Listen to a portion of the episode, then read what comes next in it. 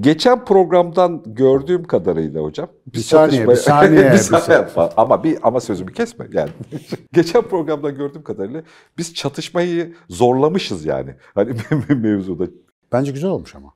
Kendimden fark ettiğim, lan niye çatışma dili kuramıyoruz ya da hani oturtturamıyoruz hikayesinde. Kendimden fark ettiğim hikaye şu. Ben çatışmaya müsait ortam oluşturmamak için kişinin kendisini muhabbet ederken seçerek o filtrasyona giriyorum. Yani hani bazı adamı hiç ciddiye almıyorum. Sen buna kızarsın bana. Evet, şeyde hani masada.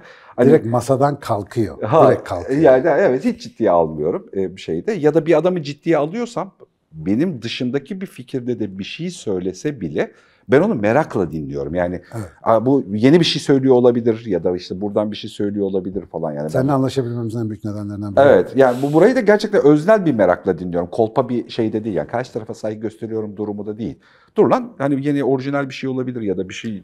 Bu Bülent'in tarifidir, sevdiğim bir şey, Göksal'ın tarifidir. Bu kapalı defter öyküsü yani bir adamın zekasına, aklına, sosyo kültürüne güvenmek için bir zaman gerekiyor. Onu ölçüp güvendikten sonrasında artık oradaki defterleri kapatıyorsun tekrar sorgulamayı.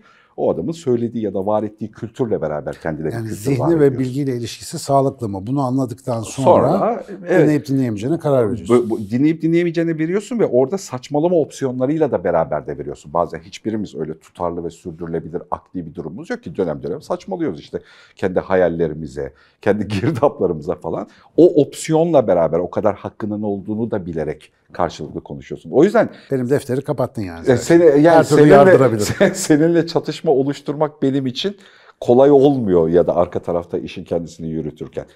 E, sohbetin kendisini hatırlamak açısından aynı zamanda yeniden tekrar bir düzlemi kuralım diye. E, çünkü kavramlar biraz birbirine girince seni de zor durumda bırakmışım. Yani hani bir şeyler Tabii birçok şeyi birden anlatmak anlatmaya çalışırken oluşuyor, karmaşıklaşmış. Ee, ben iddia burada en çok işi karmaşıklaştıran astroloji kelimesi aslında astrolojinin kendisi. Astroloji gibi işte evrenden iste versin diye tarif edilen enerjiye dayalı muallak tarif edilen e, daha çok konusu metafizik olan hikayelerin ya da işte e, safsata bilim ya da işte bilim dışı diye kabul edilebilen alanlar e, sınır bilim diye bile tarif edilemeyecek sınırda olduğunu düşünüyorum bu gruptakilerin. Bazı sınır bilim konuları da var yani bilimsel anlamda henüz sorgulanmamış ama sorgulansa güzel bir malzeme çıkabilir dediğimiz e, konu gruplarıyla bilimin kendisini karşılıklı arenada tartışıyoruz hani bir yerden. Buranın güvenilmezliğini, buranın da işte en azından şimdi hayatımızı kolaylaştıran bir malzemeyi elimize verdiğini söylüyoruz.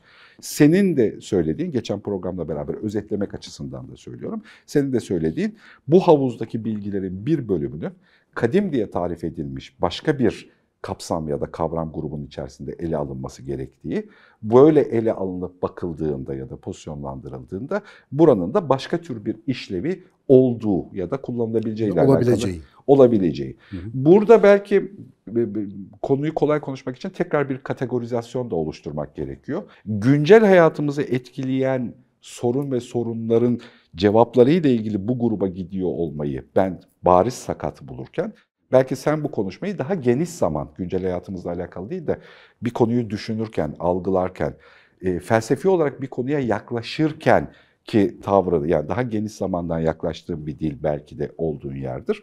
Ama işte iddialaşmaya girince mesele hani kolay çatışabildiğimiz bir alana gidiyor. Bu arada insanlar gerçekten yadırgamışlar. Yani ilk defa e, izlenmeye oranla Yapmayın çok yorum kardeşsiniz falan ritmi. Hani şeyde ister istemez bir çatışma oluşunca e, senin tarafgirlerin benim tarafgirlerim. Bu arada burası senin kanalın hala hep şakasını yaparım ya yani işte 200 202. programı falan çekiyoruz. Hala alta ya Sinan Hoca harika da bu yanındaki bıyıklı kim falan diye yazıyorlar yani şeyde.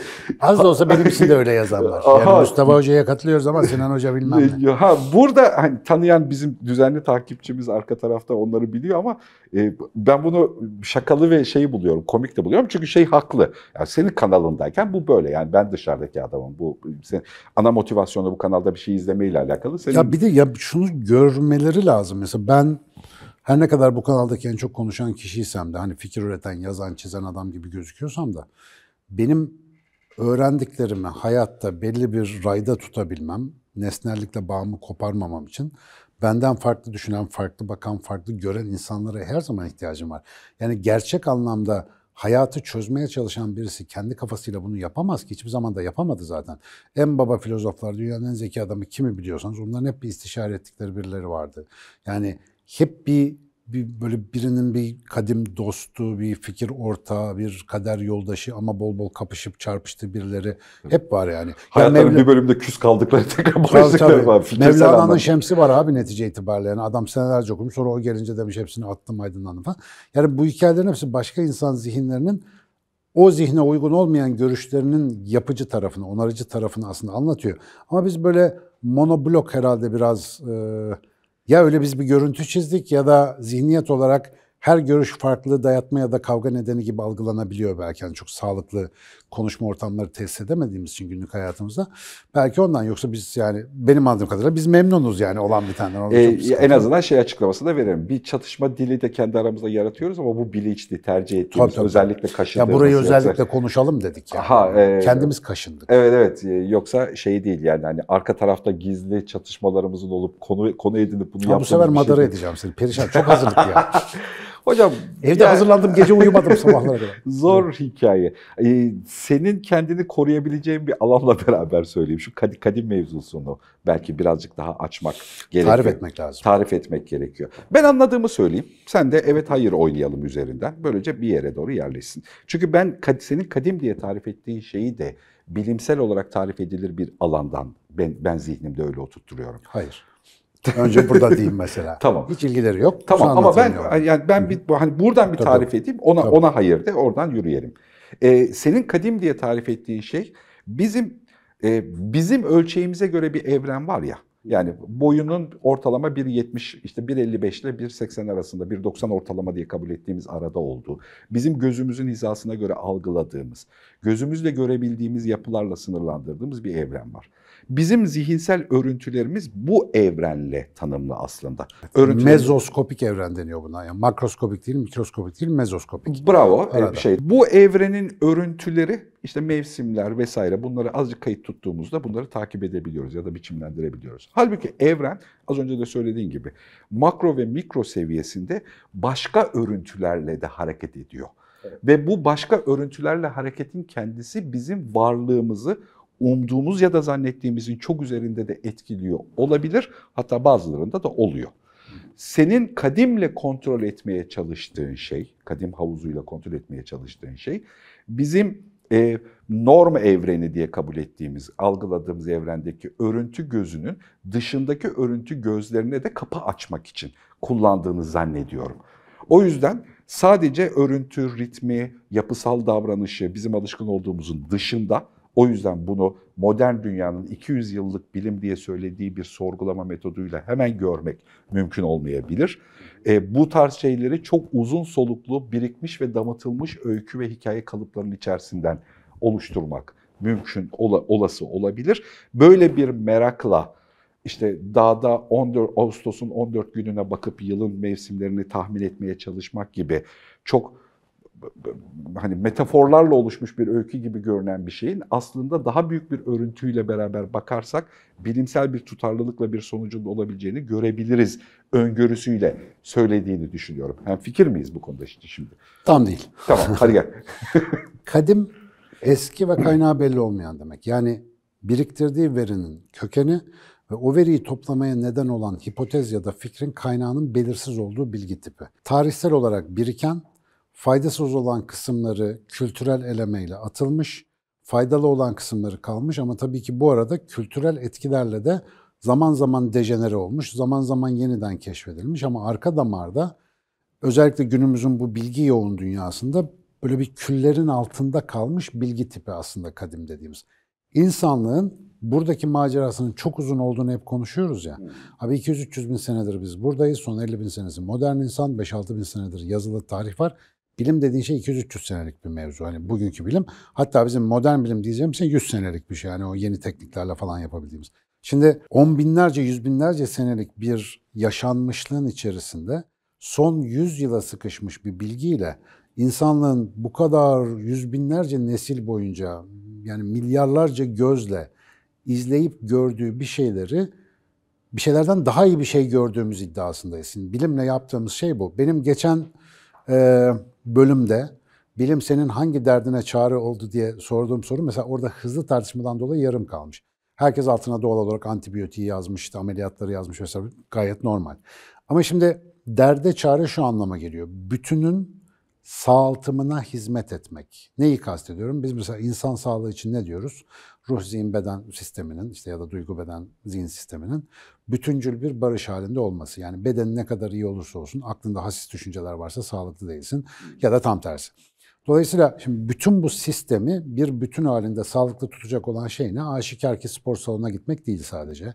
Aşikar ki diyet değil. Aşikar ki sadece meditasyon değil, ibadet değil. Sevelim bunların, değil. Yani ha, bunların hepsinin birlikte olduğu. Mesela işin içinde hazzı da var, hazdan kaçınması da var. Bir hedef, amaç bilmem ne hikayesi de var. Bütün bunu bir bütün olarak yapmak. Şimdi bilimin bize sağlıkla ilgili söylediği aktüel tavsiyelere bakalım. Bilimden böyle bir şeyi biz son birkaç yılda kısık sesle duymaya başladık. Bilimin alışkanlığı nedir? Bir hipotez koyar ortaya. Yani şöyle olabilir der. Dünyaya bakarken bir mekanizma önerisi düşünür. Bu genellikle halüsinatif bir fikirdir. Yani pek bir kaynağı yoktur. Sonra o öyle işliyor diye varsaydığı şeyi parçalarına ayırır, araştırır, ölçer, biçer, dener, gözler ve eğer kurduğu hipoteze benzer davranıyorsa sistem der ki evet bu öyle davranıyormuş. Ta ki bir deney gözlem veya ölçüm o hipotezi işte yok diyene kadar. Hani bu öyle davranıyormuş ona aykırı ama olana kadar. gibi Sonra onu var. geliştirmen gerekiyor. Dolayısıyla mesela bir hipotez yeterince kanıtla destekleniyorsa teori oluyor, bir açıklama oluyor. Sonra işte ama sonra gerçekliğin derinliğine ya da daha makro düzeyine nüfuz ettiğinde bir başka bulguyla değişene kadar. Yani bilimsel teoriler o yüzden katı açıklamalar değil ama teori bilimdeki en iyi açıklama. Şimdi bu tabiata baktığın zaman parçalardan gidiyoruz ya.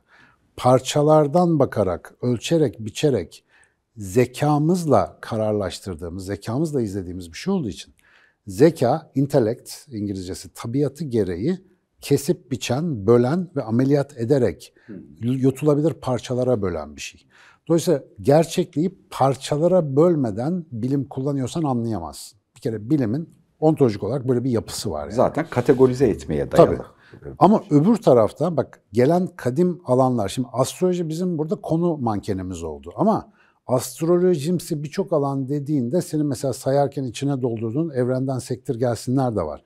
Şimdi bunların hepsinin içinde kadimden bir parça var. Bugünkü astroloji, enegram, human design, el falı aklına ne gelirse yani bunların hepsinin içerisinde kadimden gelen bir damar var ama popüler ve faydacı kültürle ve insanın kötü tarafıyla son derecede kirletilmiş bir alan burası. Şimdi bu açıdan bakınca ben de mesela vücudumda kanser var mı yok mu araştırması için kadim bilgiye değil tıbba gidiyorum. Dolayısıyla o tespiti çünkü vücudumda bir parça arıyorum değil mi? Kötü bir parça. Parçaları ayıran bir şey bu sistemde bana iyi geliyor. Ama nasıl kanser olmamalıyım? Mesela bu konuda fikir birliği etmiş bir bilim yok karşımda. Çünkü kanser dediğin şey moleküler genetikçinin anlattığı gibi de değil sadece. Öyle bir bileşeni var. Evet moleküler genetik işte kod bozuluyor bilmem ne. Mutasyona uğruyorsun okey. Efendim sadece spiritüalistin anlattığı gibi de değil. Kendine ilgili kötü düşüncelerin pörtletiyor falan. Sadece ondan da ibaret değil ama bunların hepsinin ve daha fazlasının işin içinde olduğu bir meseleyi biz bilimle anlamak ya da eski tabirle ihata etmek, kavramak iddiasında olamayız. Şimdi abi temel sorun şu. En basit düzeyde bak biz hepimiz insanlar olarak biyolojik ve işte varsa böyle bir zihinsel falan varlıklarız. İşte inanıyorsan bunun içine ruhsal kısımda ilave et. Fakat bu zihinsel dünyamızda, bu duyularımızda algıladığımız gerçeklik bizim içinden çıktığımız ve parçası olduğumuz, onun kurallarına tabi olduğumuz bir sistem. Ve bu sistem içerisinde gerçekliği algılama iddiasında bulunmak için gerçekliği parçalayarak e, böyle izole parçalara bölüp ideal şartlarda inceleyerek çalışan zekanın bize nihayetinde faydası yok. Çünkü zeka parçalar bütünü kavramak ise kavrayıcı bir bakış gerektirir. Bir insanın zihni tabiatı gereği, zihni, duyguları, ruhsal donanımı ne dersen de ya da duyuları, beyni bu gerçekliği idrak edebilecek enginlikte olamaz. Yani mantık olarak bu doğru değil. Çünkü biz onun bir parçasıyız zaten. Bir filmdeki karakterin, yani ekranda oynayan bir karakterin filmin senaryosu, çekim teknikleri falan konusunda bilgi sahibi olduğunu düşün. Hayır, o senaryo oynayan bir şey. Biz de gerçekten içinde böyleyiz. Dolayısıyla bilim açısından kadim bilgiyle ilgili anlaşılamaz olan kısım bu. Kadim bilgi ise ne yapıyor? Bir insanın zihnine hiç sığışmayacak olan bir şeylere bakıyor, oluşlara bakıyor. Nasıl, nedeniyle ilgilenmiyor nasılına bakıyor ve buna binlerce yıl boyunca bakıyor. Binlerce yıl boyunca. Gözler, zihinler, akıllar, zihinler, gözler, zihinler, akıllar biriktiriyor, biriktiriyor, biriktiriyor. Diyor ki şöyle oluyor gibi gözüküyor. Şimdi burada şundan dolayı olur ya da mekanizması budur iddiası hiçbir zaman yok. Olursa da saçma. Çünkü bu bakış yani kadim eskiden beri getirdiğimiz bilgi tipi sadece izleyip tarif etmeye ve mümkünse tasnif etmeye yönelik. Yani şu insan tipi. Mesela ilmi sima diye bir şey var. Küçükken biz çok eğlenirdik işte. Erzurumlu İbrahim Hakkı'nın kitabında yazardı. İşte burnu şöyle olan böyledir, kulağı böyle olan böyledir. Benim parametreleri olduğu için çok severdim. Sürekli kendime benzer parametreler buldum falan. Şimdi bu ne demek bu? Yani mesela burun estetiği olan adam ne olacak sorusu hemen aklına geliyor değil mi? Bugün her tarafını değiştirebiliyorsun yani. Fakat orada binlerce yıl boyunca izlenmiş bir şeyin özeti var. Diyor ki genelde böyle gözüken şöyle yapıyor şöyle gözüken böyle. Demiyor ki büyük burundaki serotonin hede hödösü gidip beyinde bilmem ne yapıyor da insan şöyle davranıyor gibi bir açıklama yok orada. Bir örüntü tespiti var. Şimdi bu örüntü tespitinin de işe yarıp yara, yaramadığının tek yolu var abi. Bunu hayatta uygulamak. Geçen bölümde aklıma gelmeyen Metin Bobaroğlu'ndan öğrendiğim bir 6T prensibi vardı. Gelmeden önce baktım inşallah hatırlayabilirim. Çünkü Osmanlıca kelimelerden oluşan bir e, böyle kafiyeli bir sistem. Birincisi kadim bilginin işe yarayabilmesi için 6T'den oluşan bir basamak hikayesi bu. Birincisi tevarüs etmen gerekiyor. Tevarüs miras almak demek, varisi olman demek. Bir kere o bilgiyle bir temasın olacak. Onu dinleyebileceksin, okuyabileceksin. Bizim bugün en başta tevar, biz reddi miras yapıyoruz. Yani diyorsun ben buna ilgilenmiyorum. Daha bu birinci basamak. Bir kere o sana gelecek. Ondan sonra işin tekellüm bölümü var. Yani kelam edebileceksin onunla ilgili. Sonra temessül bölümü var. Yani temsil edeceksin onu. Mesela hayatında uygulayarak bir şey göstereceksin. Ondan sonra bir şey birkaç T daha vardı. Mesela bir tanesi tercüme. Gününün diline çevireceksin onu yani. Eskiden geliyor bir takım hikayeler. Şimdi biliyorsun özellikle dini jargonda dindar olmanın rolü nedir? Osmanlıca, Arapça, höldür öldür kelime. Ya sakin babaya sakin. Bugünkü dilde yeterince kelime var. Getir bir anlat da bugünkü derdimize çare bulalım. Sonra tercümeden sonra telif basamağı var. Yeniden bilgi üreteceksin o konuyla ilgili. Mesela ben işte astroloji biliyorum, elfalı şeydir, işte evrene yansıttım geliyor falan demekten öte bana bir fayda vereceksin, bir öngörü göstereceksin, bir yöntem öğreteceksin mesela. Şimdi bu 6 T'li basamaklardan oluşan bir mekanizma bir toplumda çalışmıyorsa kadimle ilişkin yoktur zaten. Burada kadim diye bir tanımlama koyup bu tanımlamanın kendisine bir ihtiyaç olduğunu belirlerken bak böyle bir yöntemle tekrar bakmak lazım toplumda hareketlere derken Burada çok rahatlıkla seninle hem fikir ya da masada Tabii zaten bu entelektüel olarak rahat konuşabileceğiz. Konuşabileceğiz. Sorun bunu sen ne zaman hayata uygulamasına geliyor. Bunu ne ha. zaman işte bu yüzden döneceğiz astrolojiye bakacağız deyince benim aklıma şöyle de bir hikaye geliyor. Bir kere e, astrolojinin kültürel olarak ürettiğini varsaydığımız ne senin entelektüel anlamda tanımladığın haliyle ki ben öyle tanımlayan bir astrolog hiç görmedim sen gördüğünü söylüyorsun ne de bizim rastladığımız çok pazar işi yani hani balık burcu şöyle der falan diyen e, grubun kendisiyle astroloji hiçbir zaman kadim dediğimiz bir işte atıyorum varsayılan birkaç bin yıllık bilgiyi, kültürü böyle aktararak getirmemiş ki. Olur mu canım? Yani adının yani abi en az yani 20-30 tane farklı versiyonu abi var. Abi 500 sene önce astroloji dediğin şey bambaşka bir şey. Evet. Ondan bin sene önce bambaşka bir şey. Yani Ama hani, sen abi şimdi bak böyle yani, yapınca da şöyle oluyor. Yani esas bu konudaki çıkmazlar şu. Yani o kadar strik kabullerim var ki. Mesela astroloji eğitimi aldın mı hiç? Yani oturup bir baştan sona diyelim Hakan Kırkoğlu'nun e, işte Göklerin Bilgeliği kitabına en azından bir karıştırma düzeyinde baktın mı? Yok ama yani, burçlar konusunda bak, yani, bak, burçlar çok konusu dinledim. bu ne demek biliyor musun? Yani ha. ben çok Hollywood filmi seyrettim. Sinema çöptür abi. Ya Hollywood filmleri çöptür doğru. Ama Tarkovski var baba. İran sineması var. Yani öyle diyorlar. Ben uyuyakalıyorum Tarkovski'yi seyrederken. Ama Yani Ama şimdi Onun bu en güzel kötü örneklerini- solcu konuşması gibi oldu ya şu kitabı oku da gel hani ama bak, döndü mevzu ama bak yani. bir bilgi alanı konuşuyor. Yani en kötü solcu ya da en iyi solcu fark etmez. Yani, ben, eski Marx- solcu muhabbetinde o vardı. Sen şimdi o kitabı Şimdi oku ben gel sonra Marx'ı tartışalım. eleştirsem bana sormaz mısın Marx'ın hangi fikirlerini biliyorsun diye. Das Kapital'i okudum diye sormaz mısın yani? E, yani, Yani, yoksa popüler kültürden, Ama yani Wikipedia'dan okudum yeter mi Burada bana? şöyle oluyor ya yani astrolojinin bir bir medya medyada oluşmuş bir vadi var ve ana problemimizi bunun üzerinden yapıyoruz. Okey bak ona Yani- hiç şikayetim yok. Ama, Ama, bu vadi görecek kadar da ki- muhatabıyım ya. eğer ki başta yaptığım tarife okeysen bak oraya kadar entelektüel olarak güzel konuşuyorduk. İnsanın geçmiş kadim bilgisi ama küller altında diyorum. Sence uzaktan bakınca külün altındakini görebiliyor musun? Yani bu eğer gerçekten geçmişte insanların işine yaramış ve buzul çağı dahil olmak üzere yüz binlerce yıl atalarımızı hayatta tutmuş bilgilerden biri ise varsayalım. Uzaktan bakma dışında daha fazla bilgi ya şunu Dikkatli demiyorum. bakan için bir sır vardır cümlesinin şiirselliği çok ikna edici. Evet, Ama bu evet. senin becerin, oranın alanın becerisi değil. Tekrar söylüyorum. Mesela Yani- senin bu konuda bir çalışma yapmanı asla talep etmem. Gerek de yok. Seni bozar. Ama mesela biz burada bu konuları niye konuşuyoruz? Mesela Açık Bey'in kanalı niye var? Farklı fikir oluşturmak için değil mi? Şimdi dünyanın çözümsüz problemleri var. Bilim insanları, ben de bir dönem haldır haldır laboratuvarda çalıştığım gibi birçok bilim insanı da haldır haldır çalışıyor. Harika işler yapıyorlar. İşte müthiş teknolojiler geliştiriyor. Okey. Ama bizi izleyen bir tane genç arkadaşım. Ulan bunlar bir şey diyor ama ben şu arşivlere bir dalayım, şu konuyu bir araştırmaya başlayayım dese ve hakikaten benim sadece tanışıklıklardan dolayı haberdar olup kokusunu aldığım bir şeyin ilmin ucunu tutacak şekilde bağlantısını kursa kendisiyle. Yani onu bir yakalasa ve oradan gerçekten insanlık için büyük bir çıkarsa ben bu potansiyeli bir kişide dahi uyandırabilecek olsam o kadar işte üç kuruşluk gazete köşelerinde prim yapan, internette trollvari yorumlarla astroloji e, ticareti yapan insanların söylediklerimden işte bahane bulup da sevinmeleri umurumda bile olmaz. Çünkü benim ne hedefim onlar ne düşmanım onlar. Ben gürültüyle ilgilenmiyorum. Bunlar noise abi gürültü. Ben olayın özündeyim.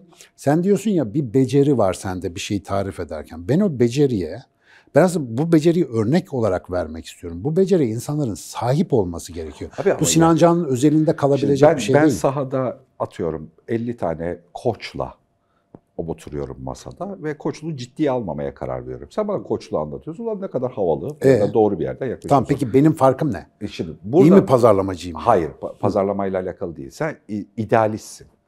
İdealini kuruyorsun. Evet. İdealiyle ola gelen arasındaki e, dezonformatif ya da mezonformatif farkı ayırt etmeye ihtiyaç oluyor. Şimdi senin idealizminle oluşturduğun yerde aslında bu şöyleymiş gibi geliyor. Ben dinlerken öyle dinliyorum. Bu dönemde bağlantısallıkla alakalı bir şey konuşuyoruz ve arge gibi ya. Yani daha konuştuğum şeyin ne olduğunu bilmeden konuşuyoruz. Beyin bağlantısalı falan diyoruz. Hoşumuza gidiyor. O, hoşumuza gidiyor ya da işte ana fikir şeyi söylemek yani çoklu değişkenlerin birbirleriyle ilişkisinin ürettiği çokluğu anlayamayız. Bağlantısalda böyle özetlesek hata etmemiş olurum sanıyorum. Evet, evet. E, bir şeyde. Bu anlayamayızın ürettiği potansiyele de bir bakmak, böyle de düşünmek anlamlıdır şeyi var ya buradaki hikaye. Bana sorsan senin kadimle ilgili tarif ettiğin bununla çok paralelmiş gibi görünüyor. Abi bak ben Yani- bunu e, böyle bir gün e, yatağımda karar verip sabah kalkınca araştırmaya durmadım. Şimdi bilim 1960'lardan itibaren bizim modern batı tipi bilim daha belki programda da dedim ya teorik fizikçiler, kuantum fizikçileri, kaos teorisyenleri bilmem neler bunlar zırt pırt gidip ya İslam kültürüyle ya bu işte Budist kültürle bilmem ne devamlı böyle bir bağlantı kurmaya çalışıyorlar. Neden? Bizim bilimde ulaştığımız çözünürlük itibariyle şöyle bir şey fark ettik. Mesela ben senelerce fraktal geometride anlattığım bir şey var. Küçükteki örüntü büyükte, büyükteki örüntü küçükte kendini tekrar, Tekrar eder. ediyor. Aynı şeyi mesela kuantum fiziğinde orada burada da görüyorsun. Ya da mesela zihnin maddeye etkisi işte kuantum fiziğinde Kopenhag yorumu falan gibi hikayeler. Şimdi bunlar bilimin e, ve de güncel hayatın şu katı gerçekliğin sağduyusuna aykırı. Standart bilimsel görüşe de aykırı. Adamlar diyorlar ki aga bu anlamı bana verecek bir yer lazım. Gidip bunu nerede buluyor? Bütün mesela bu kadimin, madimin bilmem nenin kaynağı olan Hindistan'da buluyor. Bizim buradaki bu arada tasavvufun da kaynağı orası. Yani Hindistan tuhaf bir yer. Göktaşı mı düştü zamanda ne oldu bilmiyorum. Oradan bir şey çıkmış ve insanlık kültürüne yayılmış. Herkes bir şekilde gidiyor. Ya oradaki öz kültüre Yani ki o da şu anda bayağı bozuşmuş durumda yani güne uymuş. Ya da bugünkü işte tasavvuf ekollerine falan. Kimisi gidip entari sarık takıyor. Kimisi daha seküler bir bilmem ne benimsiyor. İşte tutup da Hollywood oyuncusu Richard Gere gitti niye şey oldu yani Budist oldu mesela. Bu zamanın getirdiği bir anlam arayışı. Şimdi bu anlam arayışının bilimden çıkıp da o tarafa yönlendirdiği yüzlerce insan yukarıdan baktığında bir örüntü gösteriyor. Diyor ki gerçekliğin dokusuna yeterince nüfuz edersen, biri söylüyor onu, bardağın yarısını içersen bilim bardağın yarısını, ateist olursun, hepsini içersen Tanrı'yı bulursun diye bir laf var. Kim söylemiş bilmiyorum bugün fizikçilerden biri.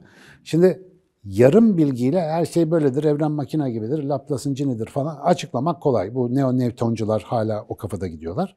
Ama bir de evrendeki sistemin ya abi bizim bilimle zannettiğimizden biraz daha büyük olabilir bu noktasına geldiğinde insanız abi ölmeden önce bir açıklama arıyoruz. Yani herkes bir açıklama peşinde.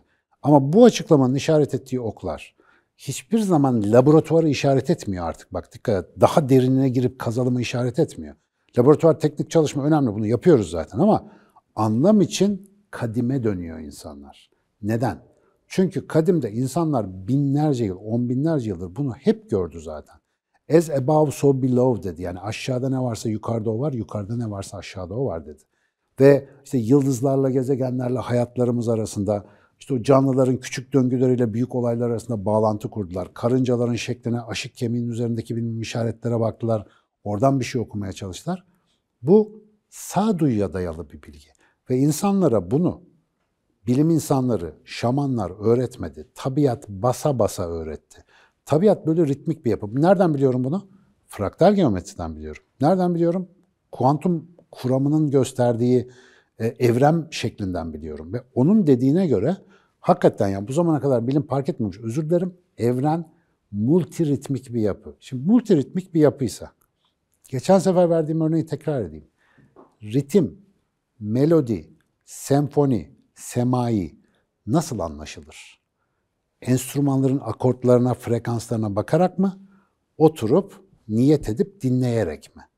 Dinleyerek anlarsın abi. Dünyanın en baba müzisyeni ol, yapacağın iş orkestrayı dinlemektir.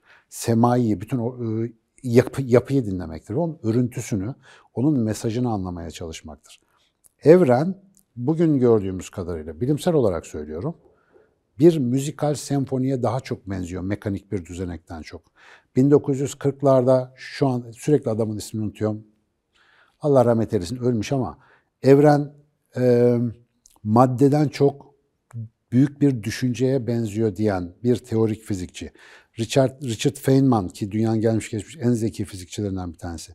Gerçeği anladım diyen ondan hiçbir şey anlamamıştır şeklinde ifade ettiği bir evren yapısı. Bize diyor ki abi burası senin mekanik varsayımlarına işlemiyor.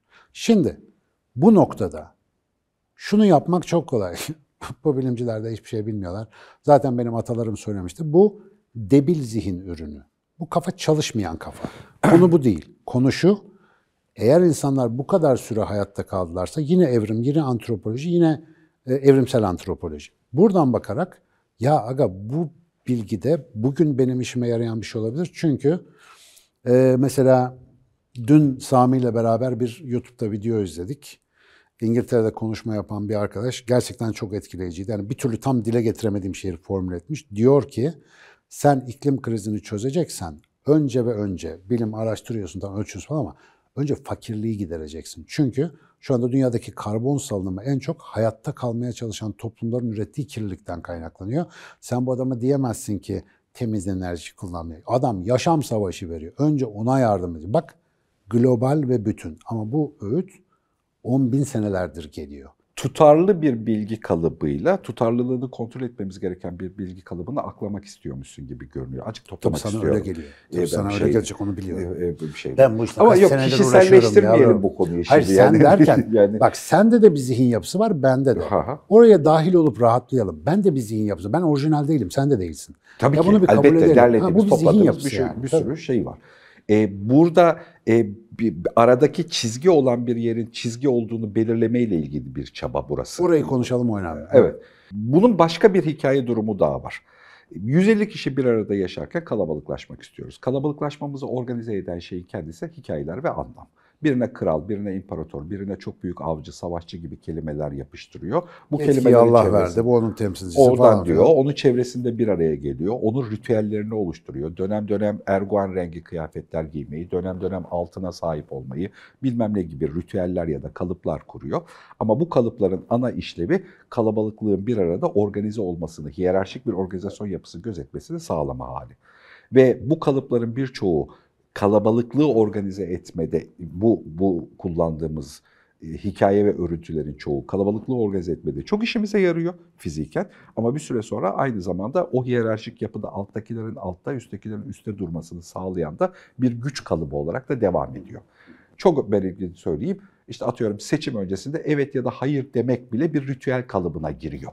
Yani sıkıştırılmış dönemde bak herkesin hayatını birinci derecede hala etkiliyor Kolay yaşanabilir bir sosyal örgü oluşturuyor. örgü Yani oluşturuyor çok ve bu, bu ve bu bu örgünün kendisi aynı zamanda bir baskı, bir yönetim, bir manipülasyon ve aslında bir dolandırıcılık nesnesi olarak kullanılıyor.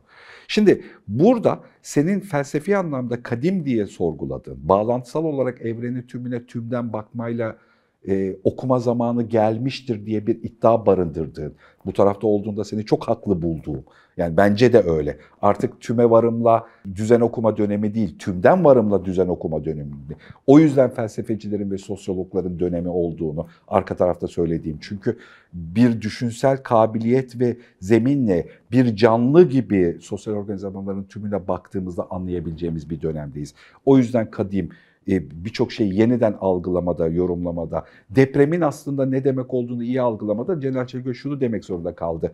Yani adam teknik anlamda arka tarafını bilen, yalan söylememeyi öğreneceğiz demek zorunda kaldı. Yalan, dürüst olacağız yalan, bayağı yalan söylemeyeceğiz diye söyledi. Yalan söylememeyle çözebiliriz burayı.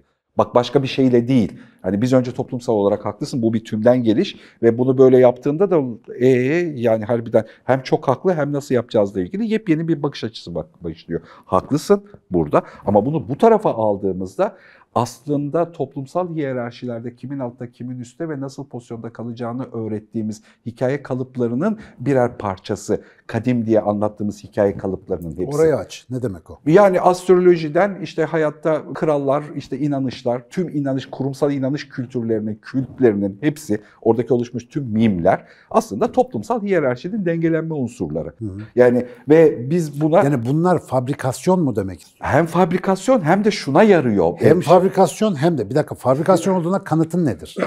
ölçümlemesini şimdi şöyle olabileceğini düşünüyorum. Kalabalıklaşmanın organizasyonel yapısını kurmakla ilgili. Çünkü mesela biz Tamam buna itirazım yok örnekle da beraber söyleyeceğim. kaynağının uydurma olduğunu nereden biliyorsun? Yani sorun bu.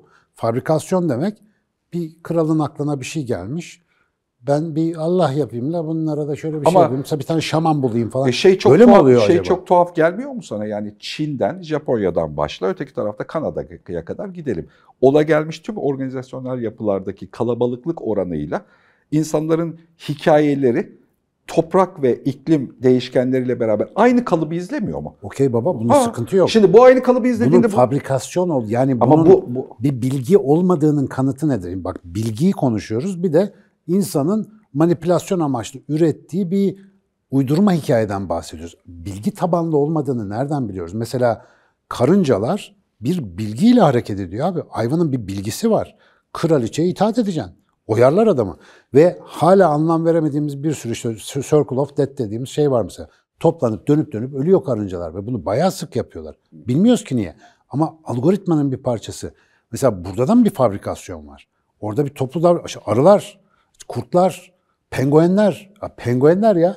Mesela bunlar niye böyle toplu davranıyorlar? İmparator penguenleri izliyoruz işte belgesellerde sürekli. Toplu davranışların sıvı helyumda, kuantum fiziksel bir sıvı. Orada mesela aynen karıncalarda gördüğün davranışın benzerini görüyorsun. Ee, imparatorluklarda gördüğün davranışa çok benziyor. Bunu söylemeye çalışıyorum. Yani buradan fabrikasyon çıkarımın ne? şu. Yani demek Şimdi bak, şeyi anlamadım. Bugünkü e, itiraz ettiğimiz bazı hikayeler, dünkü eski insanların insan topluluklarını bir arada tutmak için kullandığı öykülerin kalıntıları ya. İşte o öykülerin fabrikasyon olup olmadığını nereden biliyoruz? O bilgiler eğer yüz binlerce yıl insanların hayatta kalmasını, sosyal hiyerarşiyle bir kazanç elde etmelerini, diğer toplumlara üstün gelmelerini, üretmelerini ve daha iyi yaşamalarını sağlamışsa bu bir bilgi biçimi olabilir. Benim bütün iddiam o. Getirelim de bugün monarşiyi geri kuralım demek değil bu. Ama o insanların bilimi yoktu. Nereden öğrendiler bunları? Etraflarına baktılar. Elbette böyle. Yani zaten hani hani farklı bir ya da değişik bir yerden bir şey söyleyeceğini düşündüğüm için bir, şeyini verdim. Elbette böyle yani ilk olduğu yerde önce çevresine yakacak. O yüzden iklim diyoruz. O yüzden Tamam. coğrafyanın kendi etkisi Şunu diyoruz. anlaşalım diye söylüyorum. Bilgi yani bu da. Şimdi bir hikaye diye böyle onu naks ediyoruz ya bugün geçmez abi yapıyoruz ya gibi geliyor senin söylediğinden. Ha anladım. Eski işler yani. Ama E, o bir bilgi. Ama işte yani bu bu mm, organizasyonel beceriyi yapabilmek için geliştirdiği yeni teknolojilerin sana verdiği fırsatları eski getirdiğin hikaye kalıplarıyla beraber hala manipüle etmeye devam ediyorsun ya toplumsal anlamda. Yani özünde şunu söylüyoruz ya arka tarafta az önceki söylediğin şeye geliyor fakirlikle alakalı söylediğin. Benim fiziken yediğim, et giydiğim kıyafet ve yaşam biçimimi devam ettirebilmem için dünyada iki kişinin fakir olmaya devam etmesi gerçekten açlık sınırında, eğitimde alt sınırda olmaya devam etmesi gerekiyor. Bunu bu arada modern dünyada metropolün içerisindeki yaşayan her bireyin fark etmesi gereken bir zaruriyet. Karbon ayak izi diye bıdı bıdı yaptığın konunun, vegan ya da yemeğiyle ilgili yaptığın konunun bununla birinci derecede bir ilgisi var. Önce onu Özü çözmek. bu. Özü Evet. bu yani hani konunun. İki kişi ancak açlık sınırında kalırsa ben bu durumda Yani kalabiliyorum. senin evinde kullanmadığın eşyan, bankada kullanmadığın paran varsa biri açlık çekiyor. Bunu çekiyor. yani. Bu, Bu net. çünkü dünyanın ya- yapısal durumu böyle dönüyor. Şimdi burada ama birinin onların açlık sınırında durabilmesini ve benim de böyle olabilmemi sağlayabilmek için ürettiğimiz hikaye kalıplarımız var ya bu ma- manipülatif hikaye kalıpları. Yani idealize etsek bu şimdiye kadar mümkün olmadı ama bundan sonrası için bunu da sıklıkla konuşuruz. Bunu idealize ettiğimizde bunun da tek yöntemi bilimleymiş gibi görünüyor ya da bilim bilimsel kontrol kurallarıylaymış gibi görünüyor. Bilim şimdi hepsine yeter değil de üretilecek ya- yapısıylaymış gibi görünüyor. Az önce dediğin gibi elimizdeki sermayeyi doğru dağıtmayı bildiğimiz bir dünyada taleplerimizi ve hızımızı dengeli ve biraz daha pasifleştirmeyi becerebildiğimiz bir dünyada bu kadar çok e, acı çekmenin ya da negatif hikayenin dönmesine gerek olmadığı bir organizasyon daha bir alternatif aslında ya. Biz hala e, jungle'daki ve çok az bilgiyle oluşturduğumuz ilkel dönemin kültürüyle şimdi milyarlarca kişi ve bir sürü şeye rağmen yaşıyoruz. Ha, emin ol öyle değil. Hadi gel. Cumhuriyet ve Antropoloji. Daha önce Can Canan'la konuşmuştuk. Zafer Toprağ'ın kitabı. Okursan 1910'lu 20'li yıllarda Dil Tarih Coğrafya Fakültesi'nin Atatürk ve o zamanki Cumhuriyet yönetimi tarafından nasıl ihtimamla ve hangi aşamalarda kurulduğunu anlatıyor. Türkiye'deki üniversitenin temelidir. Yani modern Türkiye Cumhuriyeti'nin ilk kurumsal üniversitesi. Ve Dil Tarih Coğrafya Fakültesi'nin kurulmasının sebebi, buraya dikkat, o zamanki yaygın bilimsel paradigmaya göre Türklerin kafatası ölçümleriyle üstün ırk olduğunu Öyle tespit biliyorum. edecek, güneş dil teorisini falan doğrulayacak, antropolojik kanıtları üretecek şekilde Afet İnan'ın gönderilip yurt dışında Almanya'da eğitim alıp getirildiği bir O dönemin moda bilgisi bu Şimdi bu arada. Bak bu dönemin moda bilgisi bu ne? Bilim. O günün bilimi buydu. Mesela frenoloji çok modaydı. Kafatasını ölçerek işte çıkıntılardan karakter tahlili yapmak falan. Şimdi ona sahte bilim diyoruz ve o gün milyonlarca insan öldü dünyanın değişik yerlerinde. Hitler falan örneğinde gördüğün gibi. Bizim burası gene Atatürk'ün feraseti sayesinde oradan çok hızlı yırtmış. Çünkü Atatürk ölümünden önce zaten güneş dil teorisinden falan vazgeçmiş. Yani bütün şeylerinde bu var. Çünkü o dönemin böyle bir dalgası ama kökeni dikkat et. Kadim madim değil. Kökeni gerçeği benim aklıma sığacak bir karikatürize şemaya indirgeme telaşının absürt bir sonucu. Irkçılık dediğimiz şey bilimsel kökenlidir abi. Bilimsel kökenlidir. Biyolojiden köken alır. Bütün primatlarda bir benzerini tercih kılanını koruma vardır. Buna bilimsel gerekçe sağlayıp bunu bir öyküye dönüştüren şey pozitivizm sonrası akımlardan biridir. Bak mesela bilim sadece böyle tatlış bir gelecek inşa etmiyor. İyi anlamadığın zaman kötü sonuçlara gitmeni de sağlıyor. Aynı şey Ama hocam bak burada bir şey bak söyleyeceğim. GDO bir sabret, Ama- bir sabret. ama bak- bilimi savunma. Ben bilim Savunmayacağım, insanıyım abi. başka ben bir şey- bilim insanıyım. Bak ben benim mesleğim bu. Bunu niye anlatıyorum? Elindeki aletin yani sorumlu kullanım kılavuzunu bilmek gibi bir şey bu. Bilimin nerelerde kullanılabileceğini bilmek. Bugün anlattığın modern hikayelerin hepsi bilim destekli. Kapitalizm bilim destekli. Mesela bunun arkasında e, bağlamından çıkarılmış evrim kuramı var. En uyumlunun hayatta kalmasına, en güçlünün hayatta kalmasına çeviren o Darwin'in zamanından gelen cin fikirlerin payı var. Ve bu yarışmacı, işte faşizm de aynı yerden besleniyor, kapitalizm de aynı. Bozucu bütün sistemler gücünü bugün bilimsel kökenli olduğunu iddia eden anlatılardan alıyor.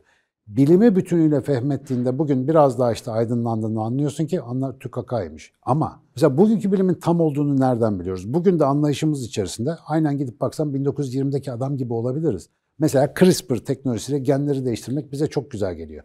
Tartışıyoruz ediyoruz falan filan. Ama yarın bir gün bir konsensüs çıktı. Abi vallahi bir şey olmuş. Değiştirelim biz. Bak çocuklara hiç olmuyor falan. E yarın bir gün çıkan eciş bücüş mutant bilmem nelerle kim uğraşacak o zaman? Ya da duygu durum bozuklukları ya da başka bir şey. Şimdi Ama burada burada burada Bilimi bıçak gibi kullanmak lazım.